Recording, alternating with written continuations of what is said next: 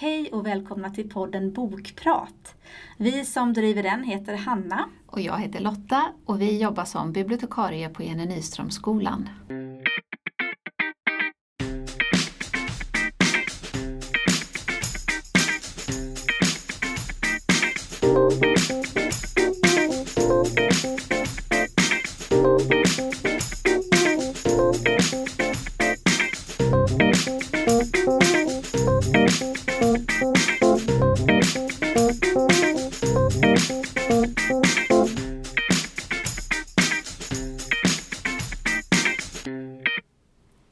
Dags för lite nya boktips. Spännande! Vad har du med dig idag Hanna? Jag har med mig, jag ska börja med den här boken. Den heter Materialtrötthet av en tjeckisk författare som heter Marek Sindelka. Eh, och jag tyckte verkligen om den här titeln när jag såg den, att den hade kommit ut, Materialtrötthet. Men den handlade inte riktigt om det som jag trodde att den skulle göra. Eh, men jag tyckte den var väldigt bra. Men det är ingen faktabok, det är en roman. Absolut, Ja. det är en vuxenroman. Eh, och här får man följa två berättarperspektiv. Och det ena är en pojke som egentligen aldrig får ett namn. Man får inte veta vad han heter. Eh, men det första kapitlet börjar med att han flyr från vad man förstår är någon slags flyktingförläggning eller något läger för flyktingar. Han klättrar över ett högt staket. Det är vinter, det är snö och kallt. Eh, man förstår att han inte alls egentligen är klädd för det vädret eller den temperaturen men han flyr. Eh, och hans berättelse är egentligen boken igenom just hans flykt genom ett, väldigt kallt klimat där han försöker hålla sig borta från människor för han inser att eh, han kan bli angiven, fångad, inlämnad och så vidare om han blir, blir eh, påkommen. Eh, men hans mål är att ta sig någonstans mer norrut i Europa. Eh, komma in i Europa för det första ordentligt och sen norrut för att han ska han och hans bror har egentligen flytt tillsammans.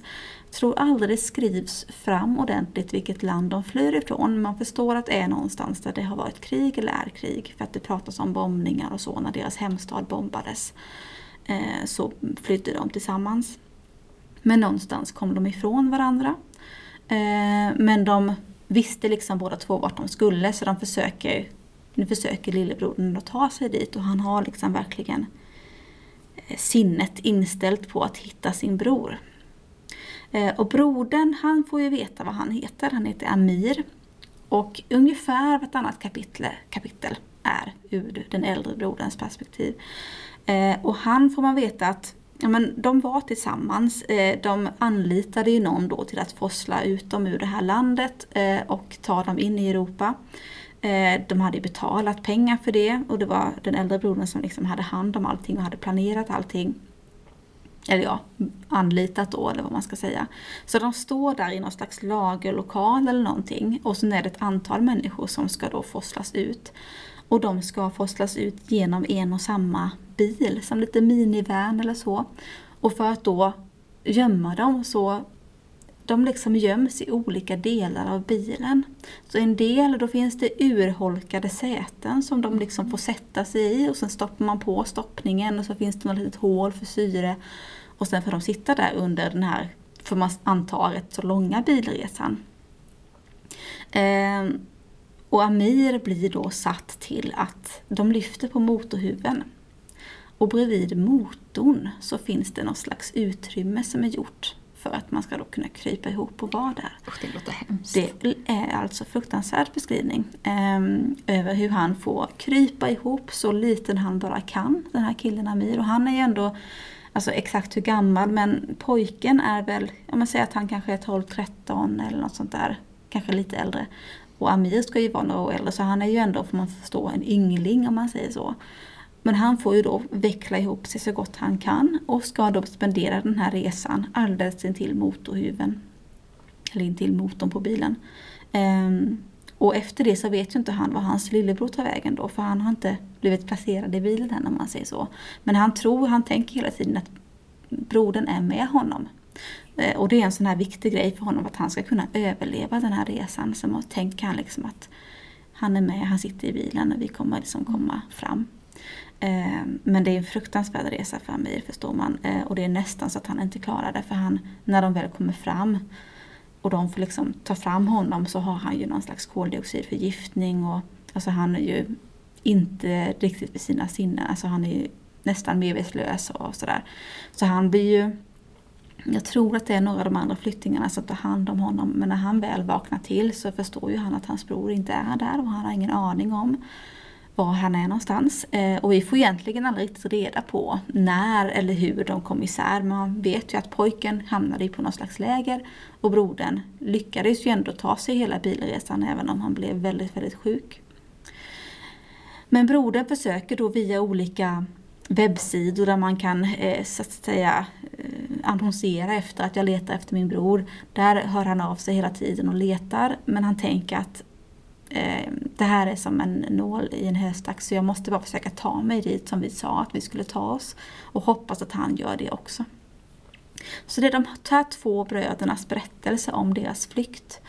eh, och den här väldiga broderskärleken som hela tiden driver dem framåt. Och det låter ju väldigt hemskt. Och det är det. Alltså det är väldigt rent fysiskt kan man nästan känna smärtan i det här att frysa så som pojken gör. Eller att det här som Amir råkar ut för, att man verkligen känner det. Så det är otroligt eh, naket beskrivet kanske man kan säga. Eh, men det finns också en väldig spänning i den här boken. Alltså det är ett driv i berättelsen som gör att man hela tiden vill veta. Eh, får man veta då? Ja, det får man någorlunda. Mm. Det är lite av ett, jag ska inte säga helt öppet slut, men lite öppet slut. Och eh, det är inte, här är det inget lyckligt slut på det viset. Vi får liksom inte det är inte så att man får ett fint återförenande i det landet som man hade tänkt hamna i utan eh, det är inte något sånt slut. Eh, men jag tycker ändå det kan finnas en optimism i det beroende på hur man ser det. För det är lite öppet. Eh, men det finns också en, ja, jag ska inte säga för mycket. Men det är inte liksom en bok som man känner att man, jag slog inte ihop dem och kände mig bättre kan jag inte påstå. Men jag tyckte att det var en väldigt bra beskrivning av flykt.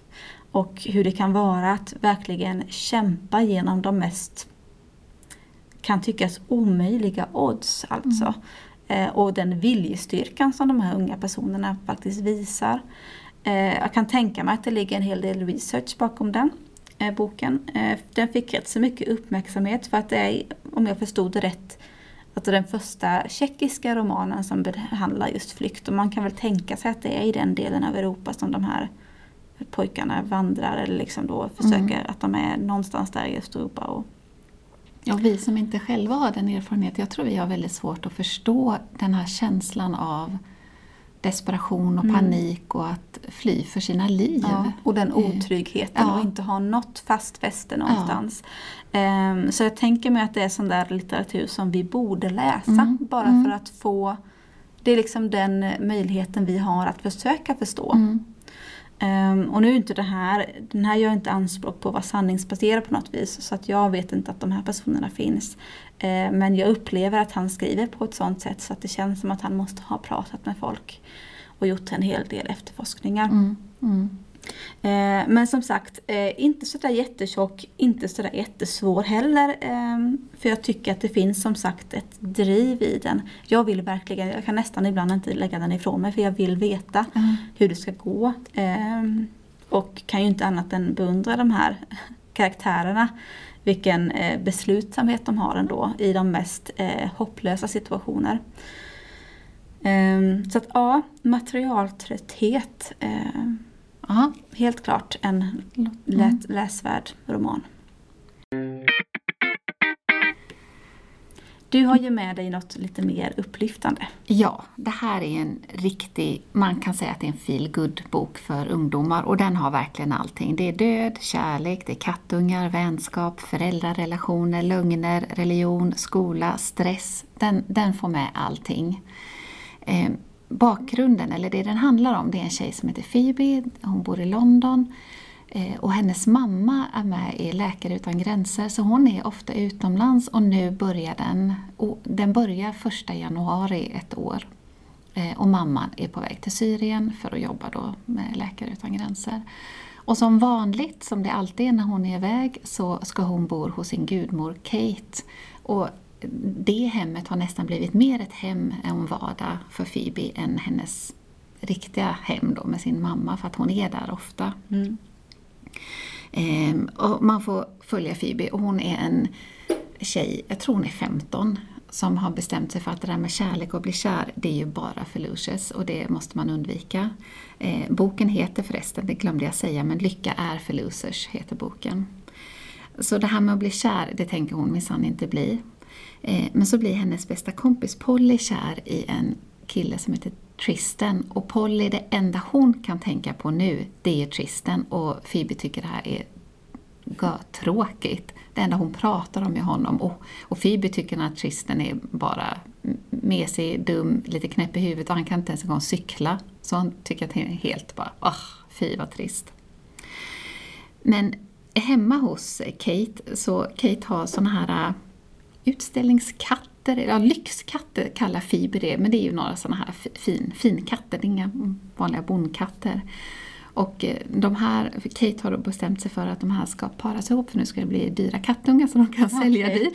Men när Phoebe är hemma så råkar hon öppna ytterdörren och en av de här katterna smiter iväg och råkar då ham, ja, träffa på en bonkatt istället. Så det blir inga lyxkattungar av det här, av just den katten. De får lyxkattungar också av den andra katten. Men lite som för att kompensera Kate för Kate driver en välgörenhetsbutik i London och, och liksom ekonomiskt är det ju inte superbra då. Så hon, Phoebe förstår ju på något sätt att de här kattungarna ändå var lite viktiga. Så för att kompensera det här som har hänt så börjar hon hjälpa till i välgörenhetsaffären. Och där är det ett väldigt brokigt gäng som hjälper Kate i den här butiken.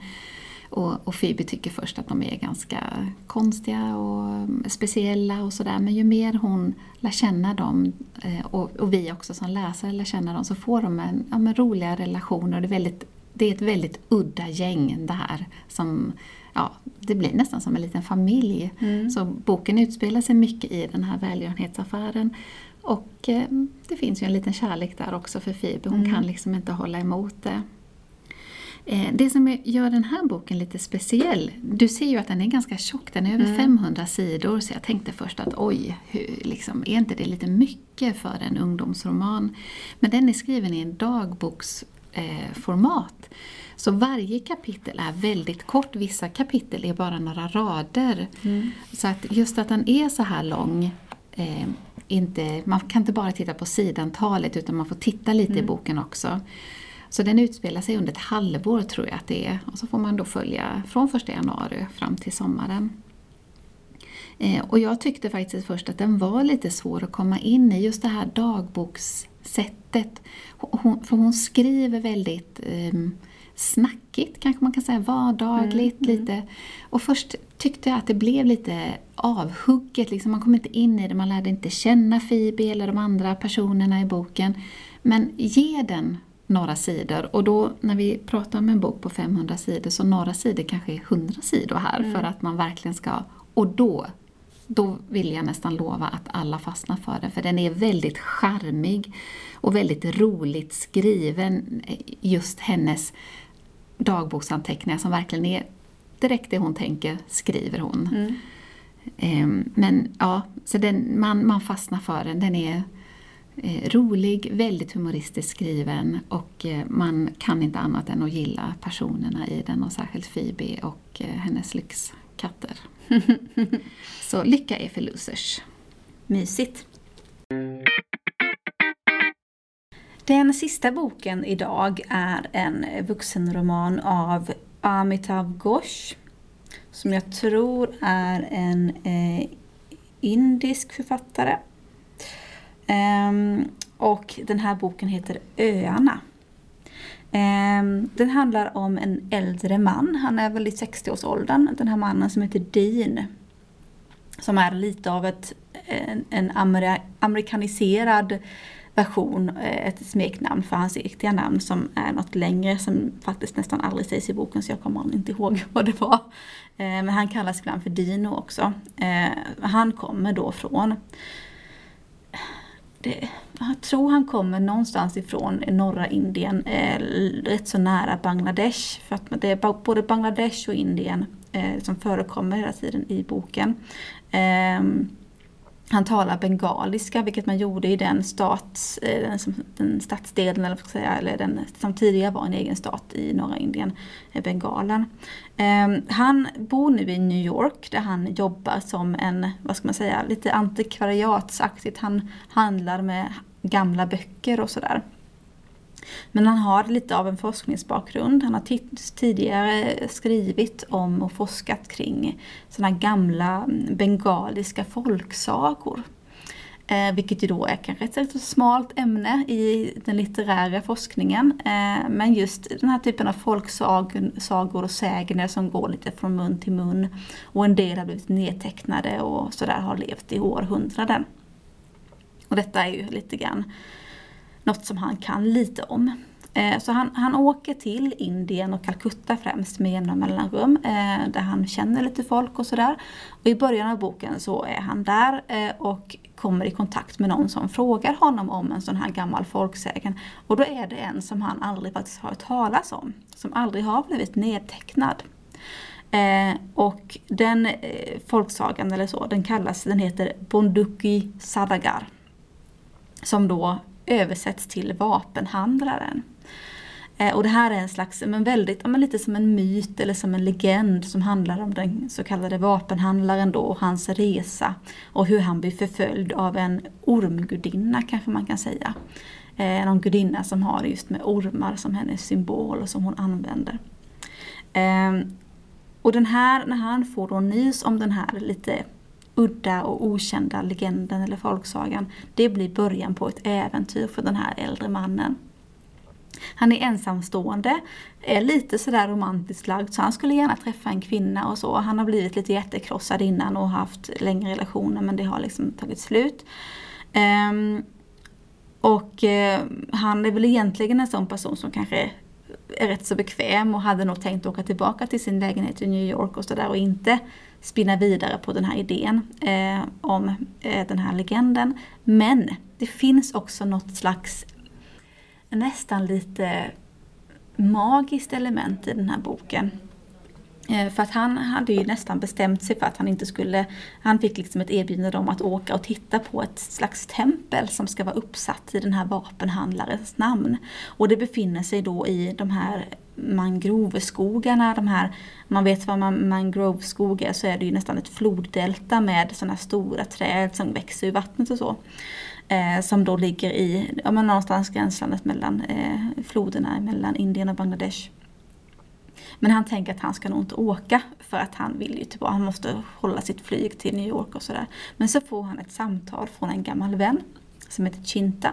Hon är en väldigt högt ansedd forskare i Venedig, eller från Venedig. Och hon befinner sig på en flygplats någonstans och ska iväg på någon konferens när hon plötsligt somnade till och så drömde hon om, eh, om Dean. Och de har inte setts på några år. Eh, men hon var tvungen att ringa honom för hon blev så orolig av den här drömmen. Och det visar sig att det hon har drömt om är ett minne från när de var i Calcutta tillsammans. Och när Dean drar sig till minnes den här resan, eller det de gjorde, så får han upp det här ormtemat. Att de kom någonstans i kontakt med den här ormgudinnan. Och detta blir nästan som ett tecken för honom. Så han blir som nyfiken, han kommer ihåg saker han har glömt. Så det blir att han åker iväg på den här resan till det här templet.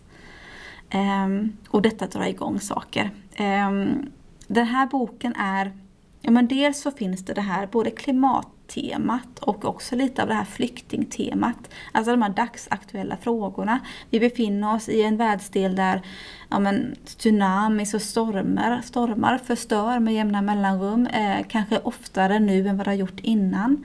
Eh, vattennivåerna stiger, eh, påverkar främst kanske den fattigare befolkningen. Eh, vi får också via DIN kontakt med en zoolog eller djurforskare som specialiserar sig på valar och främst delfiner.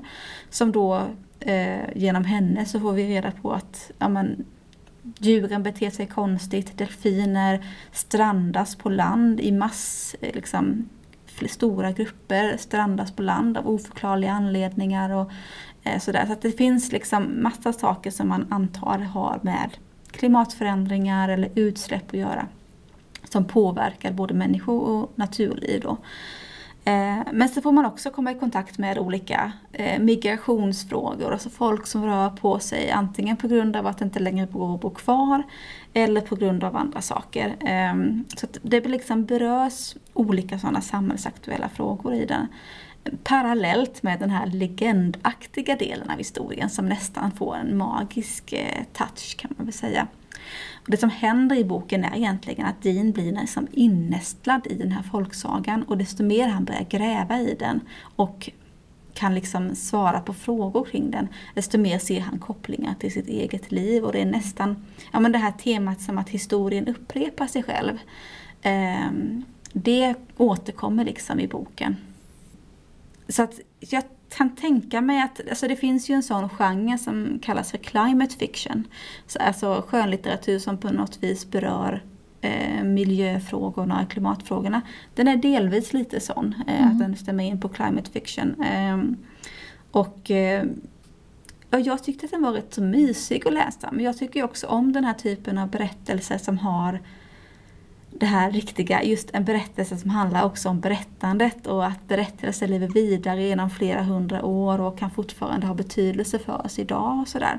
Eh, så jag tyckte den var rätt så trevlig att läsa den här.